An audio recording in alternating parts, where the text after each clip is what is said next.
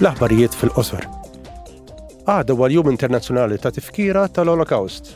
Fl-2005, n-Nazzjonijiet Uniti għażlet din id-data biex tfakkar l-Holocaust u l-liberazzjoni tal-kamp ta' konċentrament ta' Auschwitz-Birkenau.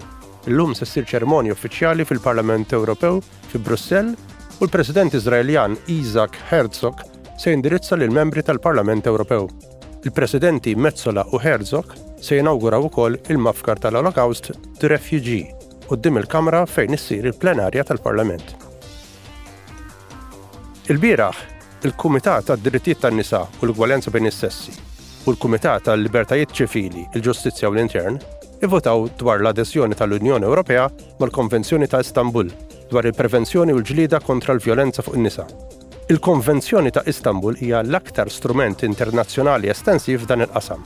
Ir-ratifika mill-Unjoni Ewropea se ssaħħaħ ir-rispons għall-vjolenza sessista u tiżgura l-istess livell ta' protezzjoni fl-Unjoni kollha. Din il-ġimgħa l-membri tal-Parlament Ewropew saħħew ir-regoli dwar ir-reklamar politiku.